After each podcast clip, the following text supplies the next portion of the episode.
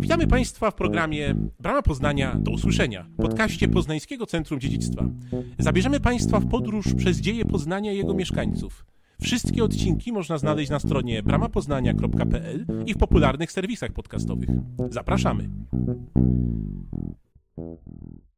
Dzień dobry Państwu, witamy w kolejnym odcinku z serii Brama Poznania do usłyszenia. E, Dzisiaj z Państwem prowadząca Iwona Pluta, a razem ze mną moja rozmówczyni Ligia Nowakowska. Cześć Ligia. Cześć, dzień dobry. Dzisiaj sobie porozmawiamy trochę, no właśnie, porozmawiamy sobie o bardzo, bardzo ciekawej postaci, mianowicie o entuzjastce przyrody, zaangażowanej w niepoliczalną ilość działań botanicznych, aktywistce ochrony przyrody. No na początku, przed jeszcze nagraniem, powiedziałaś, że wydaje ci się, że w ten sposób najszerzej można właśnie mm, tę postać e, przedstawić. Jest to opis bardzo, bardzo, bardzo niezwykłej e, osoby, e, jaką była doktor habilitowana Helena Szafran, prawda?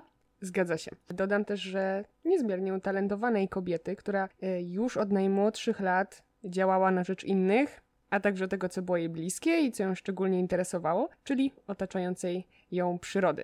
No i właściwie dokonania pani Heleny, mimo tego, że swoim zasięgiem obejmowały swego czasu wiele poletek, współcześnie są niestety niedoceniane, no a czasem wręcz zapomniane. I taki prosty sprawdzian. Usłyszałaś kiedyśkolwiek o Helenie Szafran? Nie. Przyznaję, że no właśnie, ja dopiero na studiach i to w paru słowach. No widzisz, a ja w ogóle kompletnie nigdy nie spotkałam się z tym, z tym nazwiskiem. Dopiero tak naprawdę e, przy okazji wystawy czasowej w Mhm. naszej Galerii Śluza, wystawy czasowej pod tytułem Naukowczynie, spotkałam się właśnie z tą, z tą postacią. Także dosyć, dosyć późno. No widzisz, no to w takim razie może i nasi słuchacze są w podobnej sytuacji, moje lub twojej, więc żeby jeszcze zaintrygować ciebie i naszych słuchaczy, to mogę zdradzić, że nauczycielka ta miała naprawdę y, ogromny wpływ na to, jak wygląda obecnie krajobraz Wielkopolski. Dzięki jej pracy w dalszym ciągu możemy na przykład odpoczywać w parku Wilsona. Istnieją dęby rogalińskie, bardzo popularne. No i powstał Wielkopolski Park Narodowy, a także innych kilka ważnych rezerwatów przyrody. Wow, e, no zatem jej działania są wciąż, mm, tak jak mówisz, bardzo aktualne. Zwłaszcza gdy no, w współczesnym świecie mierzymy się no, z wieloma różnymi problemami i mam tu na myśli no, chociażby właśnie czy globalne ocieplenie, czy mm, katastrofy ekologiczne, naturalne, y, wymieranie gatunków, y, globalizację, czy Mhm. choćby no, przeludnienie. Także bardzo, bardzo aktualne. No niestety jest to w dużej mierze spowodowane i tu trzeba być bardzo szczerym, ale też i brutalnym ludzką działalnością. Zgadza się, bo presja na biotop, czyli to, co ekolodzy nazywają taką środowiskową częścią ekosystemu, no jest zatrważająca. I no, pani Szafran była kobietą, która dostrzegała to piękno lokalnie, ale też trzeba powiedzieć, że zdawała sobie sprawę z tego, że środowiska łączą się i globalnie tworzą sieć zależności. I ona po prostu widziała, jaką rolę odgrywa równowaga w relacji człowieka z naturą.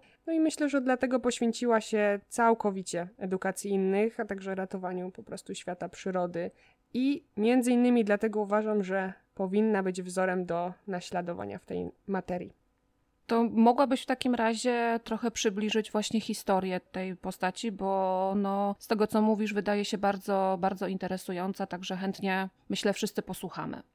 Ja również chętnie y, co nieco zdradzę. To może zacznę od tego, że zawód nauczycielki, w którym się spełniała, no nie od zawsze był na wyciągnięcie ręki. I botaniczka ta urodziła się w Poznaniu w 1888 roku, co oznacza, że no, w dużej mierze trafiła na taki okres chaosu edukacyjnego wywołanego zaborami. Po odzyskaniu niepodległości w, w Polsce oczywiście były podejmowane próby ujednolicenia systemu edukacji. Może kojarzysz taki przykład y, sprawy, w której grono nauczycielskie z Sejmu Nauczycielskiego w y, 1919 roku podało pewne propozycje, no jakby usystematyzować program edukacyjny, ale zostały właśnie no, Tak, tak, jako nauczycielka z wykształcenia, proszę Państwa, tak kojarzę. No właśnie. No ale no, no co potem było dalej? System ewoluował przez cały okres międzywojenny i w zasadzie do 1939 roku no nie zdołał się jakoś tam utrwalić. I no dodatkowo też trzeba powiedzieć, że y, pani Szafran nie pochodziła z bogatej rodziny. Dzieciństwo spędziła no niestety w, w ubogich warunkach. W swoim życiorysie wspominała kilkukrotnie, i tutaj y, cytuję z jej pamiętników, że chociaż była jeszcze dzieckiem, to musiała zarobić na opłatę szkolnego. Także finalnie od 1895 roku E, uczyła się w pruskiej żeńskiej szkole średniej w Poznaniu, no ponieważ w zaborze pruskim panował obowiązek szkolny na poziomie kształcenia mm, elementarnego, no ale oczywiście w odniesieniu do Polek i do Polaków cele edukacyjne wyznaczała e, jednak polityka germanizacyjna.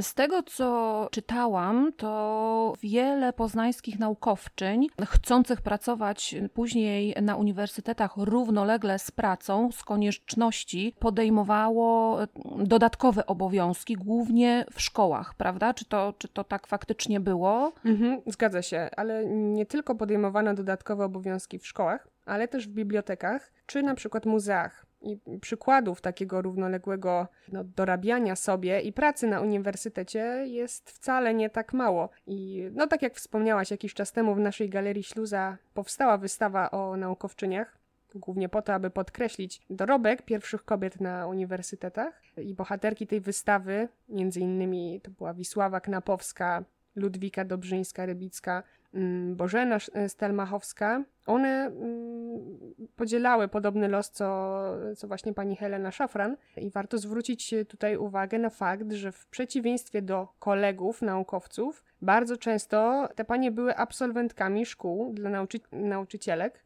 i posiadały zarówno przygotowanie pedagogiczne, jak i wieloletnie doświadczenie w nauczaniu. Hmm, ciekawy, ciekawy wątek, powiem szczerze. Mm, a powiedz w takim razie, mm, gdzie zdobywała doświadczenie pedagogiczne pani Szafran? Tutaj można by mówić naprawdę wiele, ponieważ botaniczka e, ta była zaangażowana w mnóstwo, mnóstwo inicjatyw, udzielała się naprawdę w wielu instytucjach. E, no nie będę w stanie wymienić wszystkich działań, ponieważ no, rozmowa mogłaby się znacząco przedłużyć i skupię się po prostu w mojej ocenie, tu podkreślam, w mojej ocenie na tych e, istotniejszych etapach jej życia. Zatem, zaraz po ukończeniu szkoły pracowała w warsztacie cholewniczym ojca i później rozpoczęła w Poznaniu pracę w niemieckiej firmie handlowej, innymi jako księgowa. Następnie stała się kierowniczką działu. Równocześnie aktywnie należała do polskiego ruchu oświatowego. Była też członkinią Związku Kobiet Pracujących, Dalej prowadziła bibliotekę, tam wygłaszała referaty, mm, ale też porządkowała prace zielnikowe, także już e, co nieco zaczynała się ta taka przyrodnicza sfera. Od 1913 e, roku organizowała tajną pracę oświatową jako instruktorka w żeńskiej drużynie harcerskiej imienia królowej Jadwigi w Poznaniu na Jeżycach. W październiku 1916 roku mm, z kolei została zatrudniona jako kierowniczka kasy chorych w poznańskiej fabryce maszyn rolniczych. I wydaje się, że od tego czasu y, mogła ona swobodnie i z większym nasileniem kształcić młodzież, ale także siebie samą. Więc stąd, mając 30 lat, w październiku 1918 roku zapisała się na kursy na Uniwersytecie Poznańskiego Towarzystwa Przyjaciół Nauk, uczestnicząc jako słuchaczka w wykładach i z prehistorii, y, i z filozofii, i historii sztuki. I co więcej, zaczęła uczyć się także tam łacina. Jak wiemy, w naukach przyrodniczych jest no dość istotna. I co ciekawe, y, proces nauki opisała w swoim życiorysie w ten sposób, tutaj cytuję. Zaczęłam pojmować, że nic nie umiem. Zrozumiałam, że to, co dotychczas dawałam drugim, to za mało, ażeby budować Polskę, która stawała się rzeczywistością. Uważam, że ta myśl y, przyświecała jej później przez całe życie.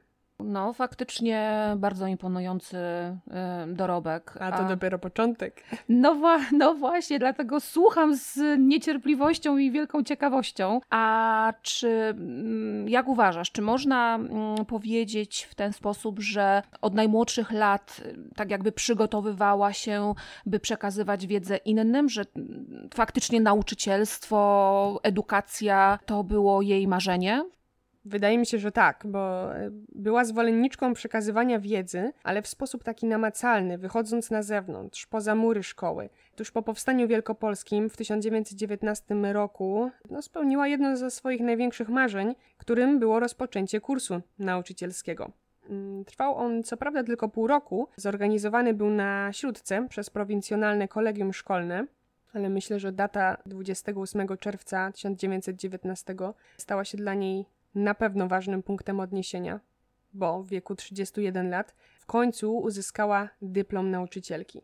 Niestety w swoim życiorysie napisała z no, takim żalem, że dokument, mimo że dawał jej uprawnienia do nauczania, to nie zawsze był uznawany na stanowiskach. Ani to w szkołach średnich, ani w szkołach ludowych. Także wydaje mi się, że to musiał być dla niej ogromny cios, ale miała swoje marzenia, więc nie poddawała się. Nasuwa mi się tutaj teraz takie pytanie, jak w takim razie, no biorąc pod uwagę już to, co powiedziałaś, mm, z nauczycielki w poznańskim szkolnictwie podstawowym i średnim udało się e, pani Szafran zostać doktor habilitowaną? Mhm, no to jest bardzo dobre pytanie. Mnie się wydaje, że wytrwałością i ciężką pracą przede wszystkim, bo Przechodzimy do jej ulubionego okresu życia, jak mawiała, do momentu, w którym zaczęła studia na Wydziale Filozoficznym Uniwersytetu Poznańskiego, gdzie zgłębiała biologię i dodatkowo filozofię. Był to rok 1922.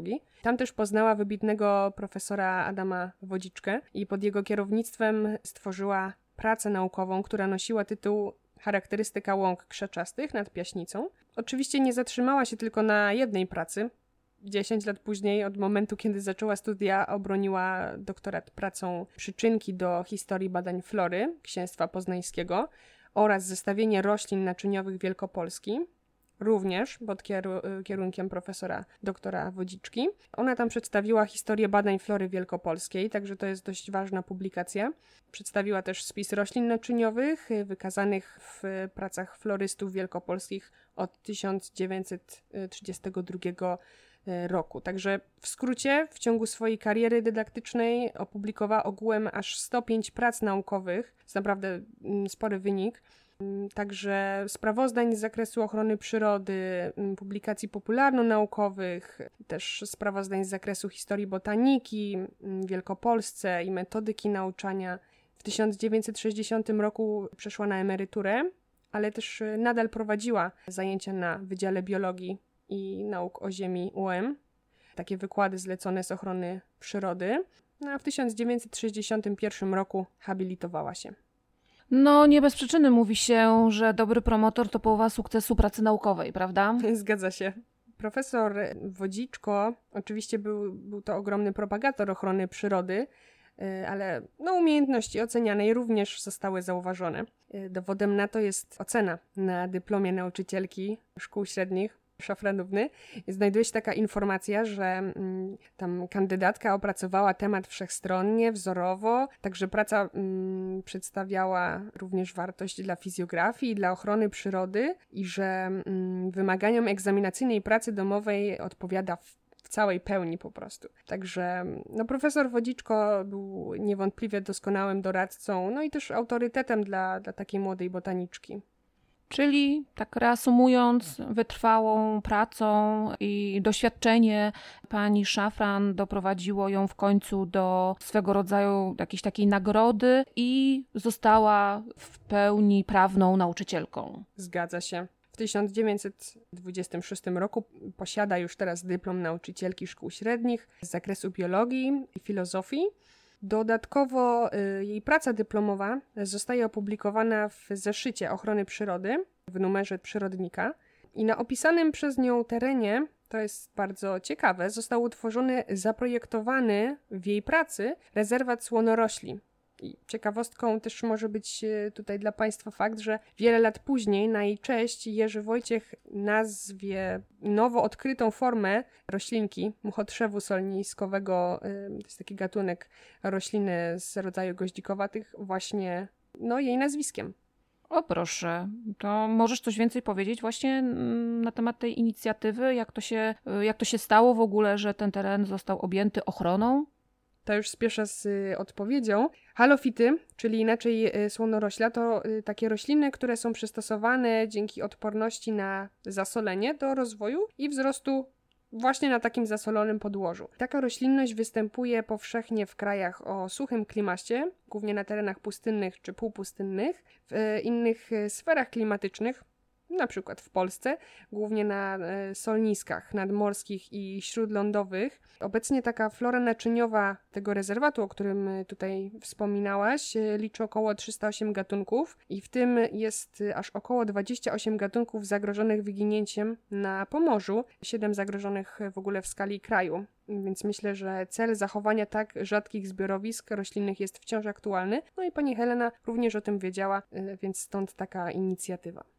Wspominałaś też na początku, że właśnie dzięki inicjatywie botaniczki um, powstało kilka takich rezerwatów. Czy możesz przytoczyć jeszcze jakiś przykład takiego właśnie miejsca? Jasne, nawet y, pewnie bardzo dużo, bo od 1952 roku y, pani Helena była zastępcą przewodniczącego Wojewódzkiego Komitetu Ochrony Przyrody w Poznaniu i podczas pełnienia tej funkcji bardzo czynnie uczestniczyła w procesie tworzenia wielu rezerwatów przyrody, między innymi dwóch popularnych rezerwatów dydaktycznych, czyli Malta i Zieliniec, a także y, bliskiemu memu sercu, mojej uczelni i prowadzonych przeze mnie tam badań podczas magisterki mm, rezerwatu przyrody Żurawieniec. On konkretnie był stworzony w celu ochrony mm, zespołu roślinności takiej torfowiskowej, bo na jego terenie niestety już występowały, mm, teraz już z nimi troszkę gorzej, mm, bardzo cenne gatunki objęte ochroną gatunkową, jak na przykład rosiczka okrągłolistne, to może mm, kojarzysz. Niestety jednak na skutek zaburzeń stosunków wodnych i takiej bardzo rabunkowej, masowej penetracji terenu przez ludzi, flora ta została mm, no, całkowicie zniszczona. I co prawda w 2015 roku, pamiętam, przeprowadzono rewitalizację tego terenu, y, po prostu doprowadzając wodę do rezerwatu, żeby odbudować y, tę pierwotną roślinność. I poskutkowało to w jakimś stopniu, no ale niestety spacerując, ja tam często jestem, no to głównie tam można podziwiać raczej monokulturę, zdegradowane teraz lasy o, tak, o charakterze olsów i łęgów, także no szkoda. Mm, jej działalność przyczyniła się też do y, utworzenia rezerwatu Krajkowo, który znajduje się niedaleko Mosiny. On się z kolei zalicza do y, takiego rezerwatu typu zwierzęco-ptasiego, ponieważ oprócz cennych roślin mamy tam kolonie, przykład czapli siwej. I sama zainteresowana opisywała ten teren w taki sposób, że jest on piękny i malowniczy, miejscami o bujnym podszycie i runie, tworząc gąszcz trudny do przebycia. Tak sobie też wyobrażam to miejsce, znając właśnie mm, przebywanie, środowisko, gdzie przebywa czapla siwa. I dzięki jej pracy został też utworzony rezerwat przyrody Studnica, gdzie pod ochroną częściową zostały pokryte świerki naturalnego pochodzenia, dorastające do wysokości mm, ponad 30 metrów. No i takich przykładów y, można by mnożyć i mnożyć naprawdę. Jedynie zachęcam do odkrycia ich na własną rękę. No właśnie, no właśnie, bo tak jak tutaj mówisz, czy Malta, czy Zielniniec, czy nawet właśnie Żurawiniec, to, to myślę, że prawie każdy poznaniak i poznanianka znają, o ile nie wszyscy. Natomiast pierwszy raz też słyszę o rezerwacie Krajkowo, czy na przykład właśnie Studnica, także no dużo ciekawych miejsc jeszcze do, do odkrycia. Zgadza się. A powiedz, co dalej w takim razie? Jak rozwijała się kariera właśnie Heleny Szafran związana z ochroną tych wszystkich cennych obszarów? No na pewno ważnym etapem y, życia pani Szafran był okres, gdzie pracowała społecznie jako członkini, a później przewodnicząca Ligi Ochrony Przyrody, oddziału wojewódzkiego oraz oddziału miejskiego tutaj u nas w Poznaniu, także jako członkini zarządu głównego Ligi Ochrony Przyrody w latach 1929-1968. W zasadzie organizację tę wspierała od samego momentu jej powstania. Co jeszcze? Pracowała też y, sumiennie nad ustawą o ochronie wód. Tam zabiegała o nowelizację ustawy właśnie ochrony przyrody z, z 1949 roku. Aktywnie brała udział w programie zadrzewiania kraju. Mm, za jej sprawą też Liga Ochrony Przyrody wspierała mm, wydawanie czasopisma. Mm, czasopismo nazywało się Przyroda Polski Zachodniej, którym ona też sama publikowała wiele artykułów, na przykład taki jak wykaz drzew godnych ochrony na terenie miasta Poznania. Także cały czas ten temat ochrony się y, przewijał. Od 1945 roku, aż w zasadzie do końca swojego życia należała także do Towarzystwa Miłośników Miasta Poznania. A celem tej organizacji było mm, głównie szerzenie wiadomości o Poznaniu i pomoc w jej kulturalnym rozwoju. I tutaj mm, takim przykładem godnym wspomnienia, myślę, jest inicjatywa uzupełniania mm, cyklów wykładowych właśnie Towarzystwa Miłośników Miasta Poznania w miesiącach letnich, w 1960 roku to było, gdzie w każdą niedzielę botaniczka prowadzała wycieczki w ramach akcji Przechadzki Po. I nie ukrywam, że ogromnie zazdroszczę i chciałabym się cofnąć w czasie, między innymi, żeby tego spotkania doświadczyć i przewodniczka tam zapoznawała poznaniaków z terenami zielonymi naszego miasta. Zwracała uwagę głównie na florę. Pierwsza taka wycieczka odbyła się do Wilczego y, Młyna, do Szalonga. Wspaniała inicjatywa. Zgadza się. Zgadza się, naprawdę y, zazdroszczę, tak jak już wspominałam, mm, chciałabym tego doświadczyć, przejść się po, po czymś takim. Oczywiście teraz y, też możemy uczestniczyć w wielu takich spacerach organizowanych przez miasto, ale tutaj przez samą panią Helenę to by było coś. No i nie zapominajmy też, że za pracę w obronie lasów Puszczykowa, gdzie no, autorka omawiała znaczenie i wartości przyrodnicze tego kompleksu leśnego. On też jest taki dosyć znany, popularny, bardzo go lubię, który miał być później włączony w skład y, projektowanego Wielkopolskiego Parku Narodowego. To Senat Akademicki Uniwersytetu Poznańskiego przyznał jej medal brązowy y, imienia Heliodora Święcickiego. Naprawdę, Także... naprawdę imponujące. Tak. Naprawdę. Przyszła mi jeszcze jedna mm, myśl do głowy, coś mi się tutaj przypomniało, zwróciło moją uwagę, ponieważ mm, na początku naszej rozmowy wspomniałaś o popularnych dębach e, rogalińskich. I pamiętam 20, 20 e, lat temu, za czasów e, szkoły podstawowej, może nawet jeszcze trochę dalej, byliśmy właśnie na wycieczce, niespełna 20 kilometrów na południe od, od Poznania i trafiliśmy właśnie do niezwykłego, do, do, do niezwykłego miejsca wsi Rogalin. Rozumiem, że nasza tutaj bohaterka też była nimi i całą okolicą zachwycona no jeszcze jak, bo historia ochrony tych dębów zaczyna się wraz z dniem 1 grudnia 1947 roku. To też jest naprawdę fajna historia. Mm, wtedy pani Szafran przyjęła na siebie obowiązki urzędnika, urzędniczki w biurze oddziału y, Państwowej Rady Ochrony Przyrody tutaj w Poznaniu którego y, przewodniczącym był wówczas jeszcze profesor Adam Wodziczko, czyli już wspomniana postać, to jej były promotor. I wtedy jednym z zadań botaniczki y, pani Heleny była pomoc profesorowi w sprawie ochrony 786 dębów rogalińskich które stanowiły, tak jak opisuje się je tutaj w piśmie, które wystosowano później do UNESCO w Paryżu, do siedziby, jako pierwszorzędną osobliwość przyrodniczą, e, jako największe i najpiękniejsze skupienie starych dębów w Polsce. No trudno się z tym nie zgodzić. To prawda. No ale dzięki tym staraniom drzewa zostały objęte prawną ochroną, no i w dalszym ciągu można je podziwiać. Ja sama byłam wielokrotnie w, w tej miejscowości i to jest naprawdę piękne przeżycie być tam sobie, zwłaszcza o zachodzie słońca. A powiedz w takim razie, mm, jakie preferowała metody nauczania? Bo tak z tego, co opowiadasz, to trochę mi się tak kształtuje, że pewnie były one dość postępowe, o jeżeli by to tak określić mhm. najogólniej. No myślę, że to jest bardzo dobre słowo. Rzeczywiście mm, ona proponowała wtedy, wtedy w ogóle proponowało się uczniom zupełnie inne, y, no takie zasady. Y, nauczania, a metody, na których y, opierała się pani Szafran, czyli na takim bezpośrednim doświadczaniu, wyjściu w teren jak najczęściej. No bo ona po prostu nie wyobrażała sobie, y, jakby inaczej można przekazać wiedzę o przyrodzie, przyrodzie dusząc się po prostu w budynkach. No było to coś na pewno nowego. Chwilę wcześniej też wspominałam o wycieczkach, które organizowała w ramach wykładów. Towarzystwa Miłośników Miasta Poznania. I co ciekawe, na początku w ogóle nie uczestniczyło w nich wiele osób. No, niebywałe teraz. Swoje idee także y, próbowała przekazać w akcji Wieczory z książką przyrodniczą, która miała za cel y, no, zainteresowanie uczniów czytelnictwem, a szczególnie posługiwania się mapą. Chyba Bardzo przydatna umiejętność. Tak, wymierająca. Y, uczniowie, którzy mieli okazję wykazać się właśnie w takiej akcji, stworzyli nawet y, takie powiedzenie na tę część. Lepiej książkę zrozumiałem, gdy treść z mapą porównałem. Także, no super. I takie postawy budziły na pewno nowe pokłady motywacji u pani Szafran.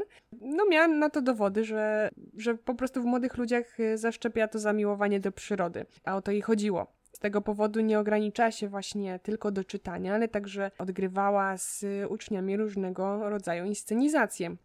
No, w jej metodach po prostu widać wyraźnie, czuć to serce i że szczególnie kładła nacisk na, na to, aby ten poświęcony czas młodzieży był dla nich przyjemny.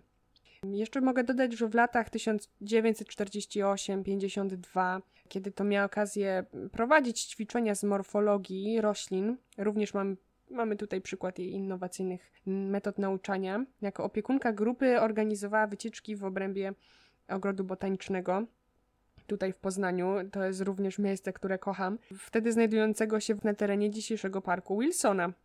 O proszę który no, obecnie y, jego wygląd zawdzięczamy y, między innymi jej pracy, ponieważ to ona pielęgnowała tamtejszą roślinność. No niesamowite. Okazuje się, że miała bardzo duży wpływ na roślinność, florę poznańską. Zgadza się. No tak jak zgodnie z początkową obietnicą, której mówiłam, że ona rzeczywiście tutaj zaistniała w naszym krajobrazie, przyczyniła się do, do tego, jak wygląda ten krajobraz wielkopolski, no to no naprawdę tak było i ona rzeczywiście z sercem wszystkie te rośliny pielęgnowała w, no w zasadzie gdzie się pojawiła. W późniejszych latach też y, lubiła organizować wycieczki terenowe do wybranych zakładów naukowych Uniwersytetu Adama Mickiewicza. Tam młodzież poznawała region własnej szkoły, jakieś no, miasta powiatowe, najważniejsze obiekty zabytkowe swojego czy, czy sąsiadującego tutaj powiatu. Mm, życie ludności miejskiej, wiejskiej, miasta, no właśnie jakieś zabytki. Wszystko po to, żeby no, jak najwięcej dowiedzieć się o, o własnym mieście, czy o tutaj pobliskich, najpiękniejszych regionach krajoznawczych. Wiemy też, że to ona spopularyzowała hasło Poznaj swój kraj, ojczyźnie, służ. Także miło by było, gdyby to zdanie wciąż no, gdzieś tam nam przyświecało w codziennym życiu, myślę. Oczywiście, oczywiście, zgadzam, e, zgadzam się. Jeszcze chciałabym poznać fakty związane z inną działalnością e, pani Szafran, mianowicie wydawniczą, bo kilka publikacji jej autorstwa, tak jak na przykład Miasto Poznań i okolica, e, czy rezerwaty i pomniki przyrody w granicach województwa wielkopolskiego, no są no nie może jakoś bardzo mocno, ale niektórym osobom znane. A czy mogłabyś jakoś poszerzyć e, co nieco ten wątek? Pewnie. Do najlepiej i najgłośniej udokumentowanych publikacji jej autorstwa należą e, innymi takie tytuły jak Miasto Poznań i okolica, o których e, wspomniałaś, rezerwaty i pomniki przyrody w granicach województwa wielkopolskiego, zbiór pieśni z okazji Dni Lasu i Ochrony Przyrody, botanicy wielkopolscy, prastary słowiański zwyczaj ludowy, ochrona ptaków, bardzo ciekawa pozycja, e, oraz w 20. rocznicę śmierci Adama Wodziczki. I to rzeczywiście to są publikacje, no, które może bardziej, no teraz współcześnie no, studenci właśnie ochrony przyrody, mm, biologii gdzieś tam mają pod ręką i faktycznie z nich korzystają. Ja zachęcam do y, odnalezienia i przeczytania którejś z nich, jeżeli nie mieli Państwo, y, nasi słuchacze, okazji. Ja sama osobiście bardzo sobie cenię publikację Miasto Poznań i okolica. Sama z niej po prostu korzystałam, wertowałam każdą stronę i jest to y, naprawdę przydatny i bogaty, taki merytorycznie przewodnik po poznańskich parkach, ale także po ogrodach, po zieleńcach, po cmentarzach. Także jest tutaj rozgraniczenie na kilka takich um, obiektów. Obejmuje on nie tylko Poznań, ale też okolicę oddaloną mm, od niego tak do 30 kilometrów i co jest takie ciekawe i charakterystyczne, że całość tej publikacji wieńczy taki charakter refleksyjny. Jest tam przedstawione czytelnikom no, kilka zjawisk i obiektów przyrodniczych, zainteresowanie właśnie, wyrobienie poczucia odpowiedzialności za, za przyrodę, która ich otacza. Jest to naprawdę taki nie tylko merytoryczny przewodnik, ale gdzieś tam ma taką nutkę refleksji, y, że no gdzieś musimy mieć tę odpowiedzialność za, za to, co robimy. Y, no i też wspomniałam tutaj wcześniej, istnieje tak bardzo sympatyczny artykuł, czyli prastary słowiański zwyczaj ludowy, ochrona ptaków, który on y, traktuje o zwyczaju ludowym w Budziszynie na Łużycach.